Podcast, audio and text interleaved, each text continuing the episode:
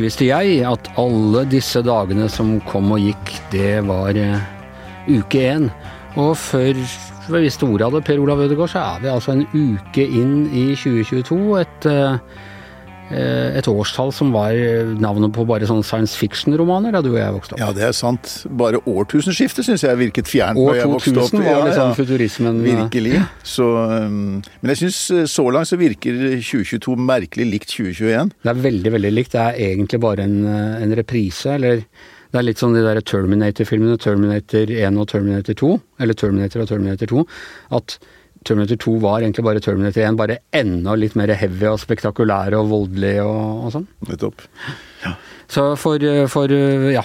Eh, vi starter med, med, om ikke full lockdown, så i hvert fall mye smitte og mye eh, klaging på regjeringa og, og og mye faktisk også Donald Trump. Vi snakker jo faktisk om presidentvalget som jo fant sted i 2020. Det snakker vi fortsatt om i dag, som vi gjorde i, går, i fjor for et år siden. Ja, eh, og det er fordi det har kastet, eh, det har kastet lange skygger. Eh, og alle som har fulgt med på podkasten denne uken, vet jo, vi har jo vi, du og jeg snakket om, om, det her om dagen. I går hadde vi eh, Camilla eh, som gjest, som uh, vår reporter i Eh, i USA som var til stede da under stormingen til Kongressen. Og i dag har vi også en spektakulær gjest, må jeg få lov til å si. Gjermund Stenberg Eriksen, velkommen. Tusen takk. Stor glede og ære. Eh, du er kjent som er det showrunner, man kaller det i, i våre dager? De store egoene i forfatterverden på, innenfor TV-serier liker det ordet veldig godt. Ja. Serieskaper er noen som også bruker Series, norsk. Serieskaper og showrunner. Ja. Eh, Gjermund Stenberg Eriksen, som altså har stått bak seriene Mammon, hvorav den ene var lagt til kommentaravdelingen i VG, det må jeg få si. Ja, og han bygger på at uh, trusselnivået mot VG hadde økt. Referanse tilbake til den podkasten du snakket med Tone Siv. Det er helt riktig, og den viste hvor hvordan vi kommentatorer eh, ofte slåss på do og i garasjen og sånne ting når vi ikke blir helt enige. Ja. Og så har du også stått bak eh, Furia, mm. og hatt en finger med i, i, en rekke ting. Men i denne sammenheng eh, så har vi deg her fordi du også drev en podkast som het Trump mot verden som for så vidt eh, eksisterer ennå. I, I, går jeg fikk litt kjeft av Magne fordi jeg i, i, går nevnte at du skulle komme, så tok jeg ikke det nye eh, navnet på den. For for meg, akkurat som Dagsavisen egentlig heter Arbeiderbladet, og eh, Equinor egentlig heter Statoil, så heter podkasten din Trump mot verden. Ja, men vi måtte kalle den popkornpolitikk. I tilfelle Trump ikke var den bærende karakteren i den pågående globale thrilleren om planeten kommer til å overleve eller ikke. Ja, Men så langt så kunne dere ha kalt den Trump mot verden? Jeg mener jo noen av oss. vi hadde jo, og vi har jo møttes på det litt som vår Trump-fetisj. Eh, da vi startet denne podkasten, var Fridtjof Jacobsen og, og jeg, så snakket vi først om mulla Krekar, for da var det, det var så vanskelig for Fremskrittspartiet å få kasta ut De hadde lovet de skulle kaste ut mulla Krekar med en gang mm. de kom til makten, og så var det helt umulig å få kasta han, at han ble sendt til Kyrksæterøra og litt av hvert, eller han skulle sendes dit, og det var, var mye gøy med det. Og så, til slutt så var det liksom ikke mer vitser å dra på Krekar, og da hadde Trump akkurat meldt seg på presidentvalget, og da syntes vi det var så spektakulært nesten like spektakulært som Krekar, så vi begynte å snakke om det. Men aldri, tror jeg, ut ifra en sånn idé om at han kom til å bli president. Nei, men dere hadde tabloid teft, da. Eh, så størrelsen på fenomenet, og at dere hadde tro på at det der hekter Jeg er jo en førstelytter av Gjever-gjengen, eh, og har hørt på samtlige episoder. Eh, det er jo dere som begynte å dyrke det ordentlig. Og så møtte jeg i NRK eh, og Sean Henrik Matheson og sa veit du hva, det der Trump-greiene det kan bli helt enormt stort, og det kan handle om USAs demokratisk ja. framtid dersom de dyrker det ordentlig. Så jeg, dere var jo inne på det, vil jeg si. Og så er det hardt å innrømme det, men eh, men i og med at jeg ikke vil være sånn dårlig Trump-taper, mm. så må jeg innrømme at dere gikk faktisk forbi oss på podtoppen. I, dere out-trumpa oss ved å være enda mer Trump enn det vi var i en periode rundt valget i fjor. Ja, det var vi. Så vi følger jo amerikansk politikk ukentlig i popkornpolitikk. Alle mulige andre fenomener enn Trump også, med den eh, tanken at vi snakker om serie- og filmfenomener, for de ligner veldig på strategigrepene som amerikanske superstrateger bruker når de rådgir ulike kandidater til valg. Og det er min gamle fagbakgrunn, er jo kommunikasjonsstrateg. Eh, og det og tror det er bredere måter å forstå hvordan politikken virker, enn statsvitenskapelige metaforer. Ja. Og øh, jeg tenkte nå når vi skal snakke om dette men Nå har vi jo virkelig de siste dagene rekapitulert hva som skjedde på Capitol Hill. Uh, denne forbannede dagen for, uh, for ett år og uh, en dag siden.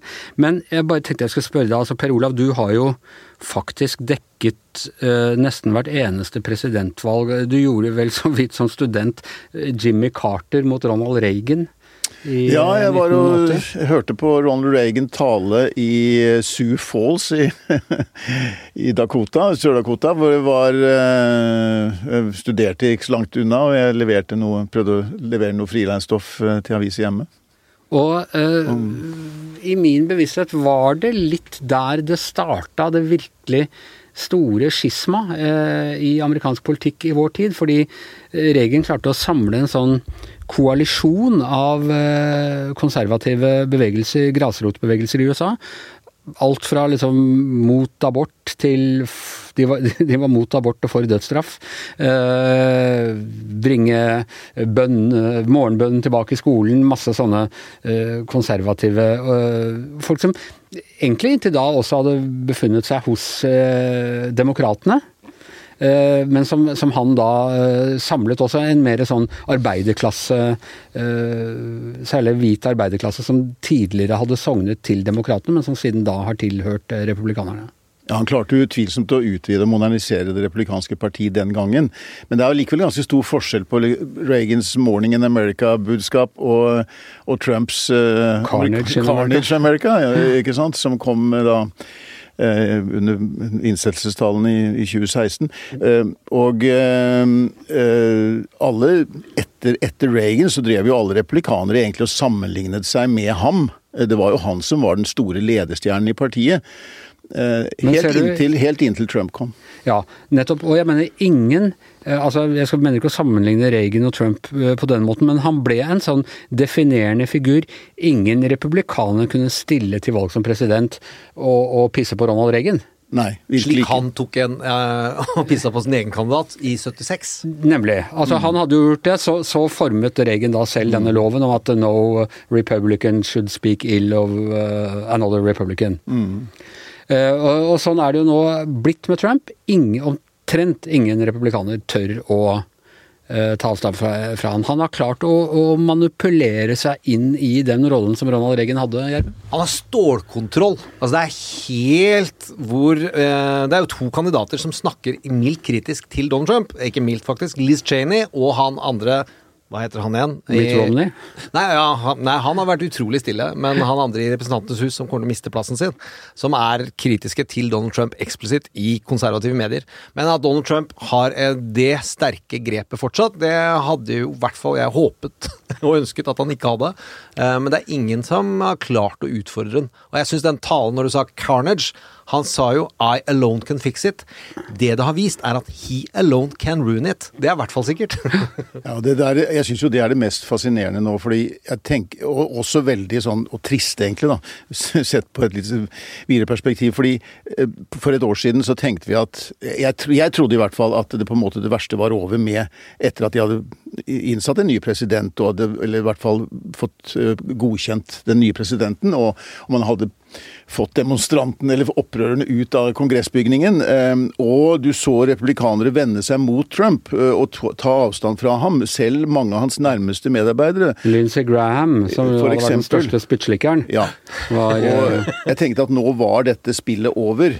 Men det som har vært fascinerende, har vært å se hvordan han i månedene som han har fulgt, og det hele året som har kommet etter, har klart å igjen erobre på en måte kontrollen både over partiet, over alle, og, og overbevist en veldig stor andel av republikanske velgere om eh, den store løgnen, og om eh, at bare han kan fikse det, og bare han er partiets leder. Og det er ganske skremmende og ganske fascinerende på samme tid. Han, altså, han holder jo da til nede i Florida, i, i Mar-a-Lago, og jeg får litt sånn eh, Vi må dra litt filmreferanser her og sånn. og det, eh, Gudfaren 2, husker dere Michael drar til Florida for å få lov av Hyman Roth til å øh, gå til angrep på, på øh, de andre familiene i øh, mafiafamilien i New York. Det er en ren sånn Sopranos-aktig forestilling, dette her, i det republikanske partiet nå, Gjermund? Ja, det er, det er mange som har sammenligna hans lederstil og administrative talent som en mafiastil. Altså en mafialeder ved at han ikke skriver ned, han skriver ikke e-poster, han bruker bare denne svarte tusjpennen som han bruker her og der. Han vil ikke ha noe bevis, og han hater jo at advokater noterer i møtet, som er utrolig fascinerende, som har kommet fram i ulike bøker. Eh, og han presser og truer med eufemismer. Så hans ordre er aldri direkte om hvordan du skal kriminalisere deg selv. I forhold til der vi står i dag, hva slags vitne eh, vitnebeskrivelser vil vi få av Donald Trumps involvering i denne stormingen og dette blokkeringen av valget, som Liz Cheney har løfta fram i høringene nå, er jo at det mest kriminelle, eller det som er håper å kunne ta han og i hvert fall medarbeiderne hans på, er at de står i veien for demokratiet. For det er føderalt forbudt. Og på ca. alle de delstater jeg har hørt podkaster om, i hvert fall, så er det forbudt. Og så får vi se om det går an å knytte han til noe av det, og det, er, det blir spennende. Og vi ser altså at når, han, når det tas ut tiltaler og siktelser mot ham og sånne ting, så, så øh, saksøker han påtalemyndighetene.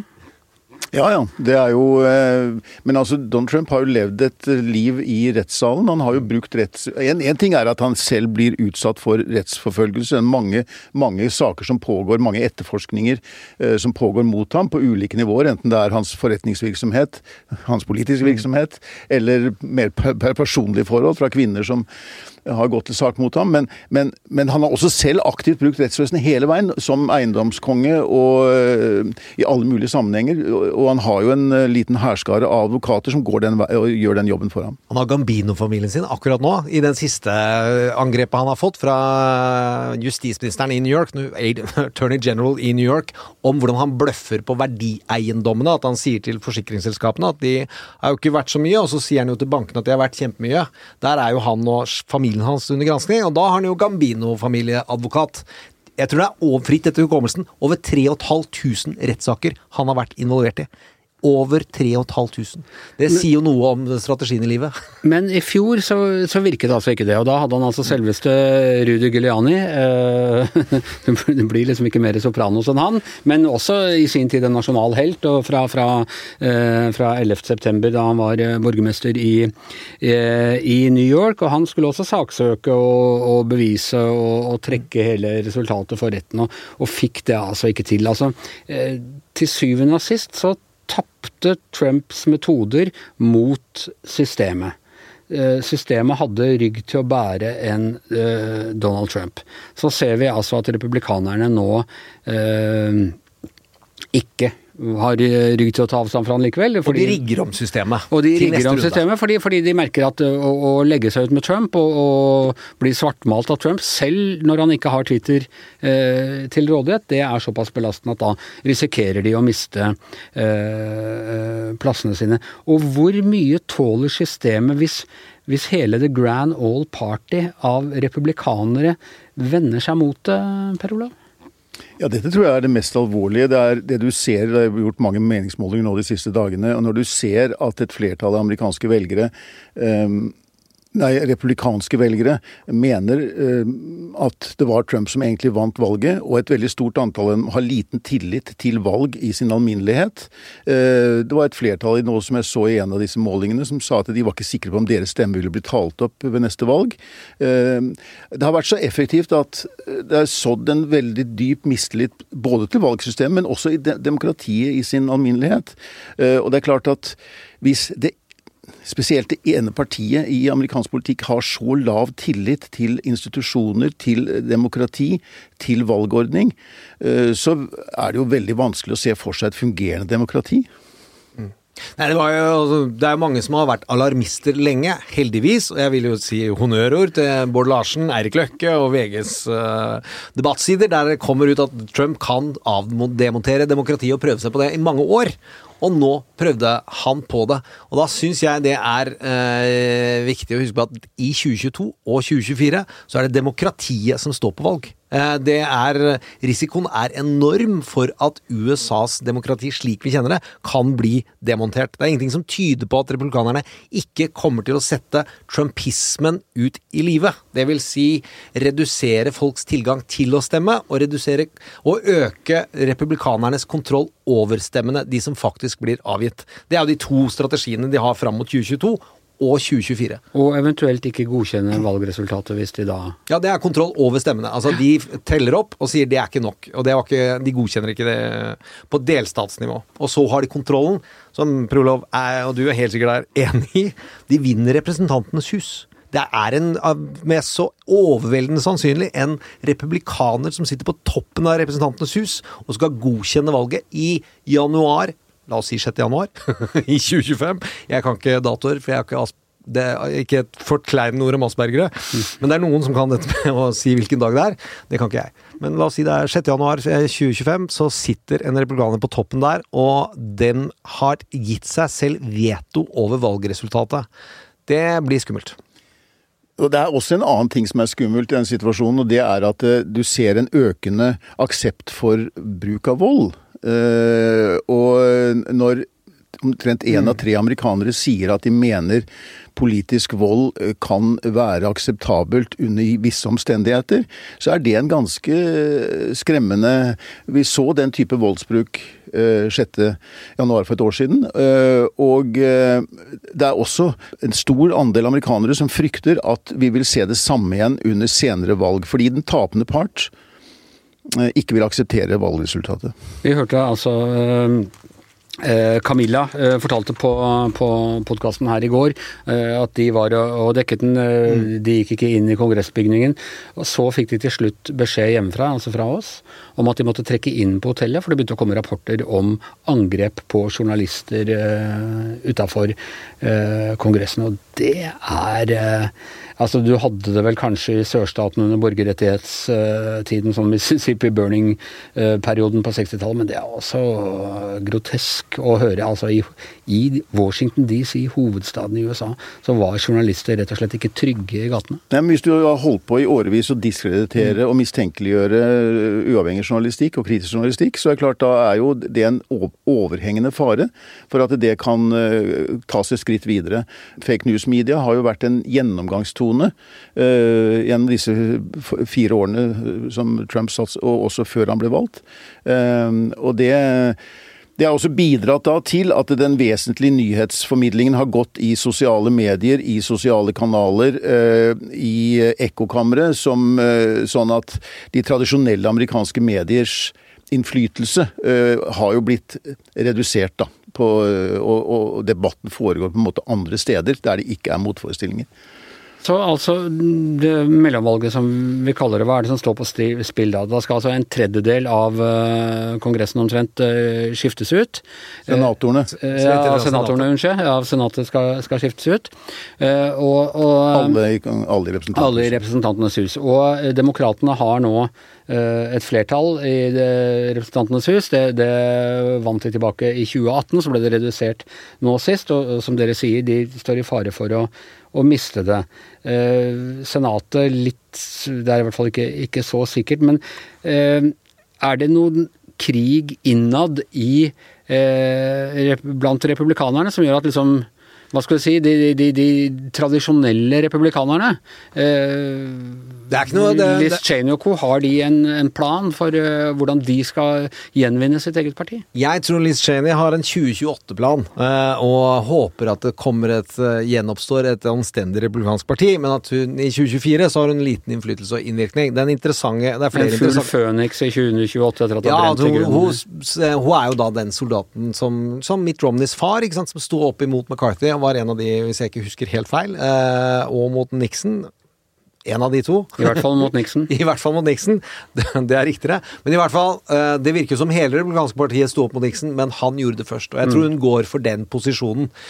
Men av den maktkampen som er viktig nå, det er jo Mitch McConnell og Donald Trump. Taper Eh, vinner ikke Mitch McConnell Senatet, så vil det bli stridigheter Mitch innad. McConnell er altså republikanernes Lederen leder av senator, eh, Senatet. de republikanske senatorene og kontrollerer pengeflyten til senatskandidatene og en god del av den republikanske partipengeflyten som tilfaller øvrige politiske valgkamper. Og han liker ikke Trump, det er det ikke noe særlig tvil om. Og Eh, Trump misliker han og- ekstremt sterkt. Men han har jo tuta med Trump ved hver viktige korsvei, han òg. Altså, det var 20 minutter etter eh, 6. januar i fjor, men så falt han jo på plass. Ville jo ikke stille ham for riksrett og Eh, Ekstremt skuffende at både han, McCarthy og Fox News ikke holdt linja mer enn i fire dager, nei.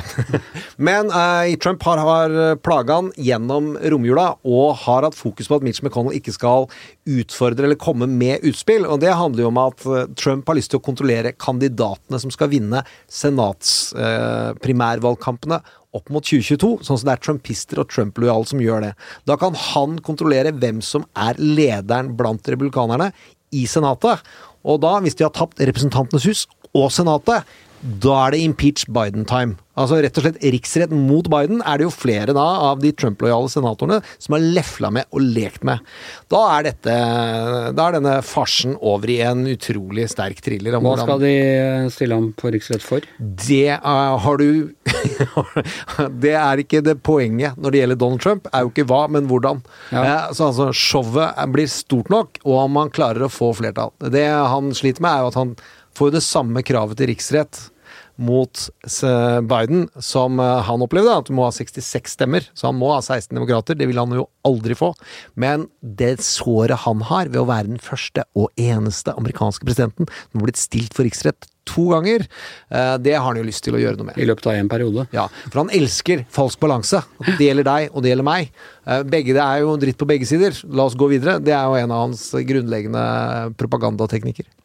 Per Olav, tror du det er noen sjanse for at han eh, ikke Altså, Han vil jo da være kingmaker for eh, kandidater til Kongressen gjennom dette mellomvalget. Men eh, disse kandidatene vil jo ha motkandidater, lokale motkandidater og sånn. Er det noen sjanse for at han At såpass mange av hans eh, kandidater ikke vinner til at republikanerne, som jo tross alt det er jo ikke fordi de egentlig elsker Trump, det er jo bare fordi de hater å tape, uh, sier at nei, Trump er ikke lenger den uh, er ikke den tungen på vektskålen som, som vi er uh, avhengig av, og at de dermed vil vende seg mot han, eller er det lite sannsynlig nå? Jeg tror På kort sikt så tror jeg at han har veldig god kontroll over det republikanske partiet, og også utvelgelsen av kandidater. Så er det ikke dermed sagt at del, noen av disse kandidatene kan jo falle igjennom når det kommer valg, til valgdagen. Eh, og, har, og jeg tror det er helt riktig at all, etter all sannsynlighet så vinner republikanerne kontroll over Representantenes hus, men på den annen side så for det, det er det som vanligvis skjer. Det er et protestvalg mot den sittende president i, i første periode. Så blir det gjerne slik. Eh, akkurat nå så ser det absolutt sånn ut, fordi at Biden er, eh, Joe Biden er, skårer lavt i popularitet. Det er, også en krevende tid i USA, med veldig Pandemien herjer, eh, og det er en del problemer i økonomien. Og den lovet jo Biden at han skulle, være derfor Ja. Trump og, og, og tapte valget. prisstigningen på en del varer og slike ting virker også inn. Og at, men det er ikke gitt at det ser slik ut når vi kommer fram til eh, siste, altså når vi kommer frem til høsten. Det kan være at eh, det går, har gått fremover for også den sittende president, og at noen av de demokratiske kandidatene får noe medvind da. Akkurat nå ser det ikke slik ut, men det kan endre seg i løpet av det, de mange månedene som gjenstår før neste valg. Så, så det er, det er ingenting er gitt her, men, men eh, på kort sikt så tror jeg definitivt at Trump har kontroll over både veldig mye av prosessen og de kandidatene som blir valgt ut. Det morsomme for oss som lever for å gjøre det spennende for så mange som mulig, er jo at det er på senatsvalget er på mange måter en gjentagelse av 2020. Det er i de samme vippestatene som vi da måtte se på i 72 timer live for hvor Eh, valget skulle Wisconsin godkjennes. Arizona Ja, ja, det er alle de, og så det er kjempejevnt. Og så eh, har jo Trump har ikke noe god track record i å nominere sine egne kandidater, så det kan tenkes at Senatet beholdes, eh, beholdes på demokratenes hender, og at Trump da får svekka sin rolle i det republikanske partiet. Og det er mulig å håpe på at det skjer, men hver eneste gang så har han da klart å eh, mobbe seg til toppen, eh, så det er ikke der jeg putter penger. Vi må, før vi da forlater eh, Trump og ser litt på, på hans ettermæle isteden, som bare Kommer han til å stille i eh, 2024? Jeg er ganske sikker på at han kommer til å gjøre det. Men jeg, Jeg, jeg tror at det kommer etter det mellomvalget, at den erklæringen kommer da. Eh, og da vil det jo hjelpe veldig da, hvis republikanerne For han vil jo selvfølgelig ta æren for at de da kanskje har vunnet det valget eh, og fått den oppturen eh, for partiet. Og det vil han da ta all kreditt for, og, og jeg tror at da den kunngjøringen kommer. Eh, så kan man jo stille seg spørsmål, hvis det ikke går så bra som republikanerne tror i dag, mm. hva det vil bety for han. Det er, ikke, det er jo ikke, Ingenting er sikkert om disse tingene, men jeg tror det er overveiende sannsynlig. Det å være kandidat har jo han tjent mer penger på enn han har tjent på noe annet. For han har jo tapt utrolig mye penger i livet sitt. Ingenting har gjort han rikere raskere enn å være president eller være presidentkandidat. Det er det som gjør at han vil i hvert fall være presidentkandidat. Om han spiller for å vinne, eller om han spiller for å kontrollere pengestrømmen fram til 2024 så godt som mulig, det er jo ikke sikkert. Denne store Stopp til stil-kampanjen innbrakte jo også enorme ja. beløp. Og så, eh, så, er det vel også Han er ikke noe glad i å tape. Nå tapte han jo ikke forrige gang, for det var jo et uh, fake, valgresultat. og, og, i det hele tatt. Men, men uh, dette med å, å Revansj eh, er vel også en drivkraft omtrent i seg selv for en mann som Donald Trump, tror du ikke det? Han er jo reality-sjef. Eh, reality ja, men det som står igjen, er at han fikk ikke et flertall av stemmene i 2016. Eh, han vant, fikk et flertall av valgmennene. Han tapte valget i 2020. I hans tid så mistet de kontroll over begge kammer i, i, i, i Kongressen. og de tapte altså Det hvite hus til slutt. sånn at det har vært en track record Det er ikke noe, det er ikke noe vinnende altså det har, det, har ikke, det har ikke brakt seier seire på seire for det republikanske partiet og han i, i ledelsen. Det, det sier du bare fordi du er i fake news media. Det, eh, det går an å se det på helt andre måter. Ja, og I forhold til lys og håp, eh, som eh, vi dramaturger ofte prøver å ha mot slutten, så er det nettopp det at han er kanskje den beste kandidaten for at demokratene skal vinne i 2024. Fordi han har mobilisert flere demokrater til å gå over stemme enn noen annen president. Selv om han var også den flinkeste til å mobilisere republikanere, så mobiliserer han fienden mye mer. Og det er jo et kjempeproblem for en eh, politiker. Så litt med uh, hva Trump har gjort med resten av verden. Uh, Trump mot verden, som jo podkasten uh, din het. han har jo på mange måter også vitalisert den type retorikk og populistiske eh, strømninger. Altså eh, jeg tenker på en som kom før ham, Berlusconi. Helt klart en, en populist og med samme liksom, TV-bakgrunn eh, og i det hele tatt. Og nå er det en rekke eh, statsledere rundt omkring som har brukt dreieboka til Trump. Ja da. vi husker Helt nylig så var jo Trump fremme og ønsket eh, Orban, eh, statsministeren i, i Ungarn, eh, alt godt og lykke til i valgkampen. Han skal ut i valg nå i, i år. Og vi har sett den type allianser med bevegelser på ytre høyre, populistiske eh, høyrebevegelser i Europa og andre steder. Eh, men det som var mest typisk i den perioden med Trump, var jo hvordan han på mange måter brøt med det som hadde vært amerikansk utenrikspolitikk gjennom mange tiår, under både demokrater og republikanere. Nemlig at eh, USAs tradisjonelle allianse ble svekket. Da. Og eh, veldig mye av det som var, var amerikansk solodiplomati, eller forsøk på å løse ting bilateralt, istedenfor å gå igjennom det multilaterale som eh, amerikanerne som regel har gjort. Da.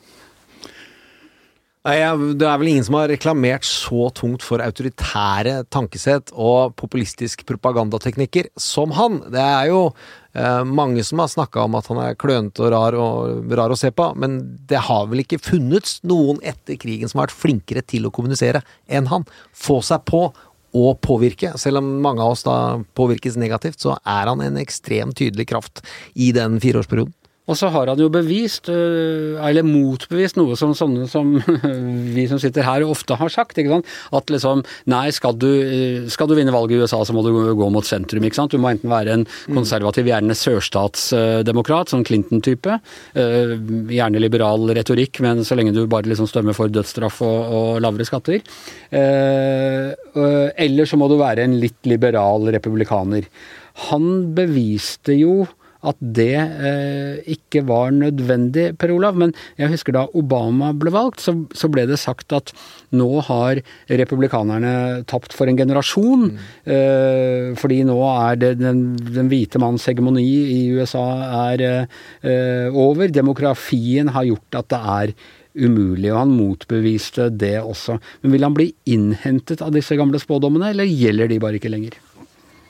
Jeg tror de demograf demografiske endringene i USA er høyst reelle, og det går ikke på en måte i republikanernes favør på lang sikt å, å, å, å appellere til uh, eldre hvite velgere, som jo i stor grad, og spesielt menn, da, som i stor grad Trump har klart å gjøre. Men det kan fungere på ganske kort sikt, fordi at de er mer aktive, de deltar oftere i valg. de er Eh, og, og, så kan du gjøre noe innhugg hos enkelte minoritetsgrupper. Og, så, og du så at han også fikk et visst oppsving, Trump, blant en del eh, latinamerikanske velgere. Eh, fordi de kunne spille på en del saker som de var opptatt av. Noen, altså, en, men i all hovedsak så vil jo minoritetene stemme demokratisk, og de er snart ikke lenger minoriteter. I mange amerikanske delstater så er de, blitt, eh, så er de hvite blitt uh, i mindretall. Uh, og, så de endringene går Men akkurat på kort sikt så er det mulig å spille på det, mobilisere det.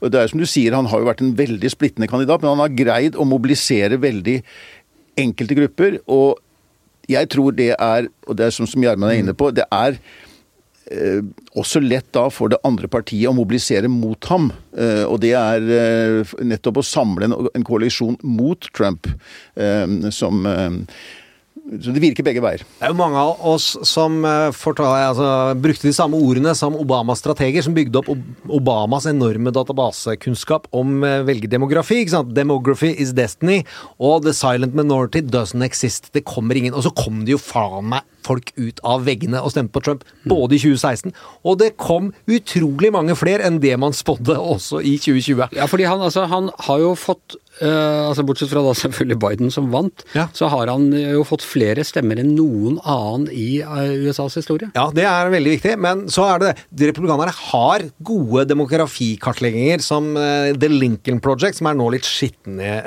blitt litt skittent rykte. i sin egen Ja, men de strategene jobba i Romney-kampanjen og bygde opp databaseverktøyene som Trump-kampanjen har tatt over. De spår jo at Texas må endre seg i 2028. Da er det ikke mulig å se for seg at republikanerne kan ha flertall, hvis ikke de har vridd partiet og mot midten. Og, jeg må bare si, jeg ble sendt til Texas nå ved valget i 2020 fordi man trodde det kanskje kom til å snu ja, der. Og, der, der og det gjorde det ikke. Obamas folk bomma så det sang. Ja. Eh, David Pluff, eh, blant annet, fløy jo rundt og sa om Sina, het det en eller annen fyr, som var databaseansvarlig, og sa demografi er Destiny, og 2020 så faller det. Det faller tydeligvis ikke i 2024 heller, men så får vi håpe da at republikanske databasekartleggerne har rett, at de må gå inn mot sentrum. Hvis ikke så ryker Georgia, og da ryker Texas. Og da kan de ha så mye kontroll over det nord-midtvesten nord som de vil, for da er valgmannssystemet borte for dem.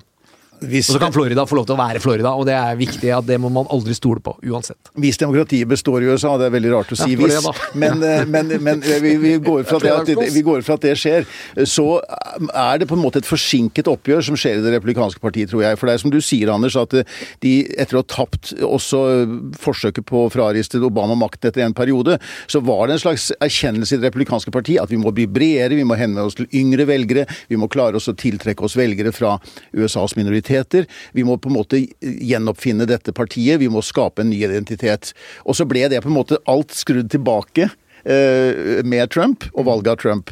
Men jeg tror det blir allikevel en prosess som det partiet må igjennom på et tidspunkt, for å ha noen mulighet for å komme i posisjon i framtida. For vi må også huske at um, det er ikke vanlig Altså, republikanerne har ikke gjort det spesielt godt i, valg, i presidentvalg over de siste tiårene. Det er um, det er vel bare altså Bush andre periode, da vant mm. han Folketallet. Da vant han i, i mm. antall eh, stemmer også, men ellers ja. så har de vel da ikke siden, eh, siden far hans eh, vunnet noe valg med rent flertall?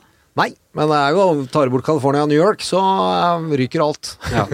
Alltid. Så det, USA er stort, og det er veldig mange i midten som må vinnes og dras tilbake mot sentrum, og så ses på Altså, klare å få tilbake det demokratiske sinnelaget i store deler i det republikanske partiet, det er jo håpet. Ja. Uh, og voldsforherligens og dehumaniseringen som trumpismen står for, må man ta et oppgjør med. Men det kommer jo ikke til å skje før etter 2024.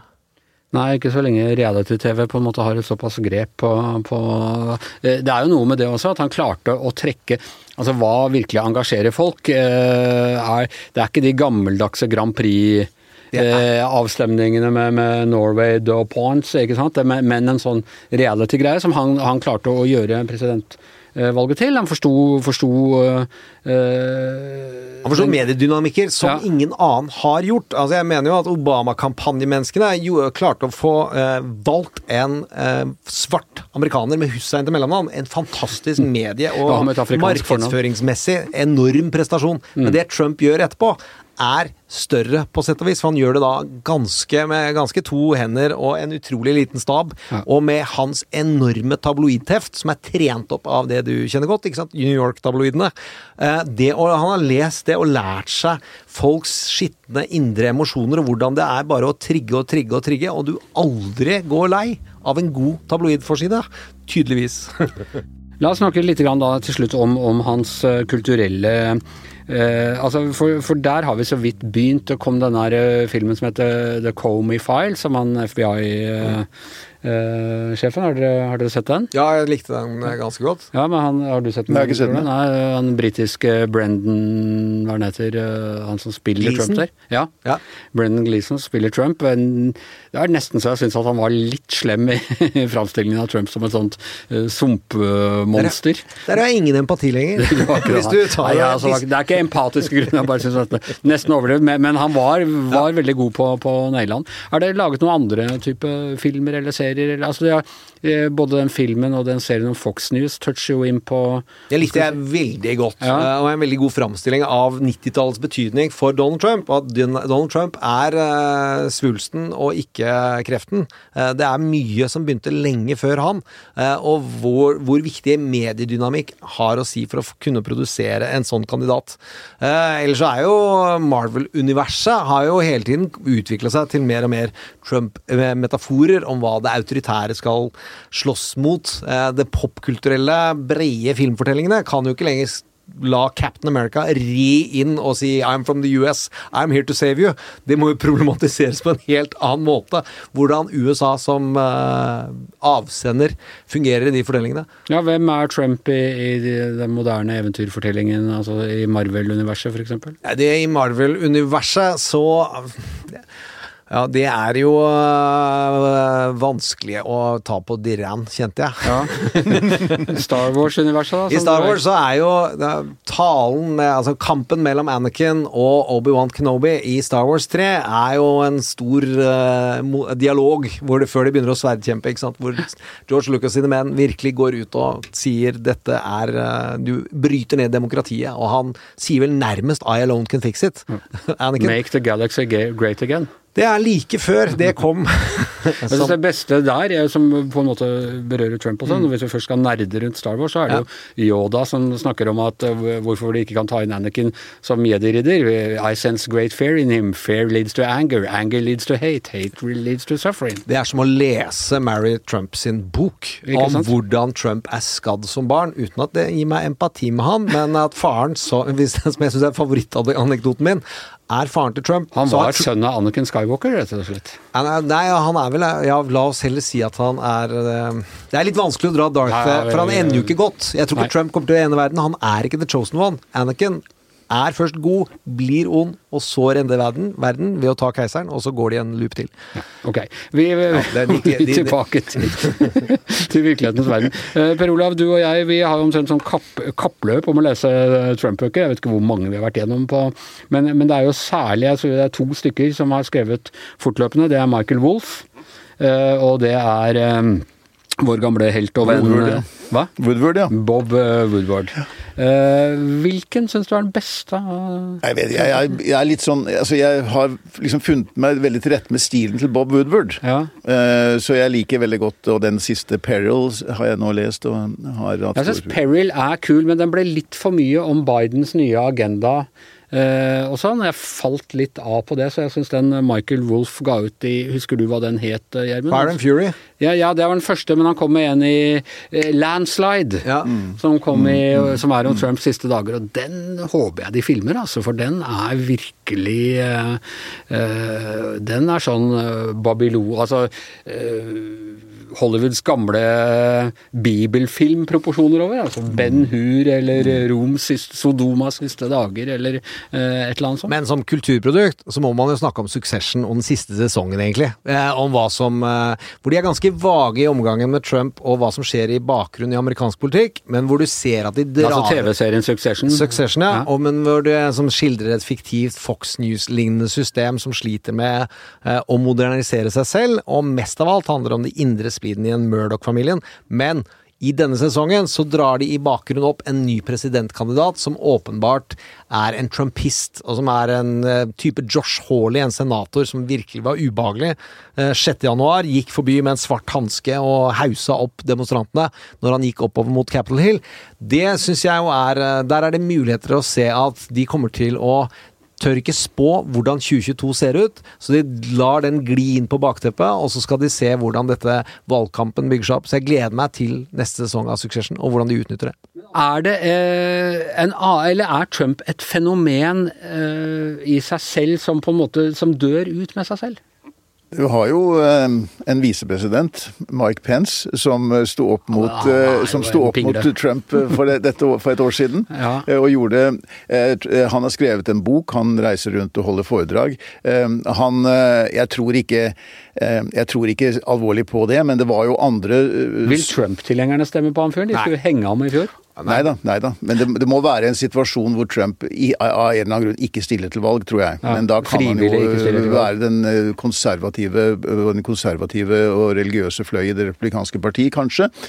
Og så har du jo Det er jo enkelte andre som har leflet med, med tanken om det. DeSantis Ja, i for Florida. eksempel. For eksempel eh, som jo er en annen utgave av, av Trump. Han er mini-Trump. Altså, han er minimi. Anbefaler alle å gå og se første reklamefilmen til eh, DeSantis. Eh, Der ser Hvor du går man og ser den? Det går man på YouTube, og så ser man First Advertise av Florida. Da ser du at han er Gjør alt som Trump vil. Ja. Uh, og han er, leder jo på alle interne målinger, dersom Trump ikke stiller. Eh, eh, så får man jo se Det er jo utrolig mange Det kan fort gjort bli 13 kandidater igjen. 17 var det vel i forrige runde. Dersom Trump ikke stiller pga. helse, økonomi Men du, han har, den, han har den beste helsen i hele verden. Han, legen hans har sagt det. At han har ikke sett noe annet menneske som har så god helse som Trump. Det er utrolig bra at du minnet meg på, fordi den legen det tar jeg ikke, veldig det, det er ikke Han var vel en Florida-lege, den Ja, første ja, ja. legen som sa det. Du har jo også, du har jo også Trumps tidligere FN-ambassadør Nikki Haley, som jo ikke har lagt skjul på sine ambisjoner. og Hun ville jo representere mm. en annen type Et, et, et slags det, det, Vi snakket i stad om fornyelsen av det republikanske parti. Hun kunne representere noe annet der. Nei, ironisk hvis det er en kvinnelig trumpist som bryter dette berømte glasstaket som Hillary stanga mot. Ja, men Haley er et veldig godt bud på hvem som i hvert fall stiller. Og så er- skal det jo mye til for at eh, det partiet velger en kvinne, tror jeg. Eh, Så er det Palin, da. Det, er det toget er heldigvis godt. Der er det nok eh, på tape utspill som ikke står seg eh, til at de motstanderne som vil stille mot henne, vil klare å vippe henne ut, tror jeg. Bank i bordet. Ja, ja, vi, det var vel noen taper med Trump òg som vi trodde skulle Ja, de tapene kommer jo aldri. Noen av dem kom jo. Ok, tusen takk til Gjermund Stenberg eh, Eriksen. Husk på å høre hans podkast òg, etter at du har hørt Gjever og gjengen. Uh, Popkorn og politikk. Tusen takk til Per Olav Ødegaard. Jeg heter eh, Anne Skjever, og mannen som eh, bør bli nominert av begge partier til å fortsette å være produsent for podkasten, er som alltid Magne Antonsen.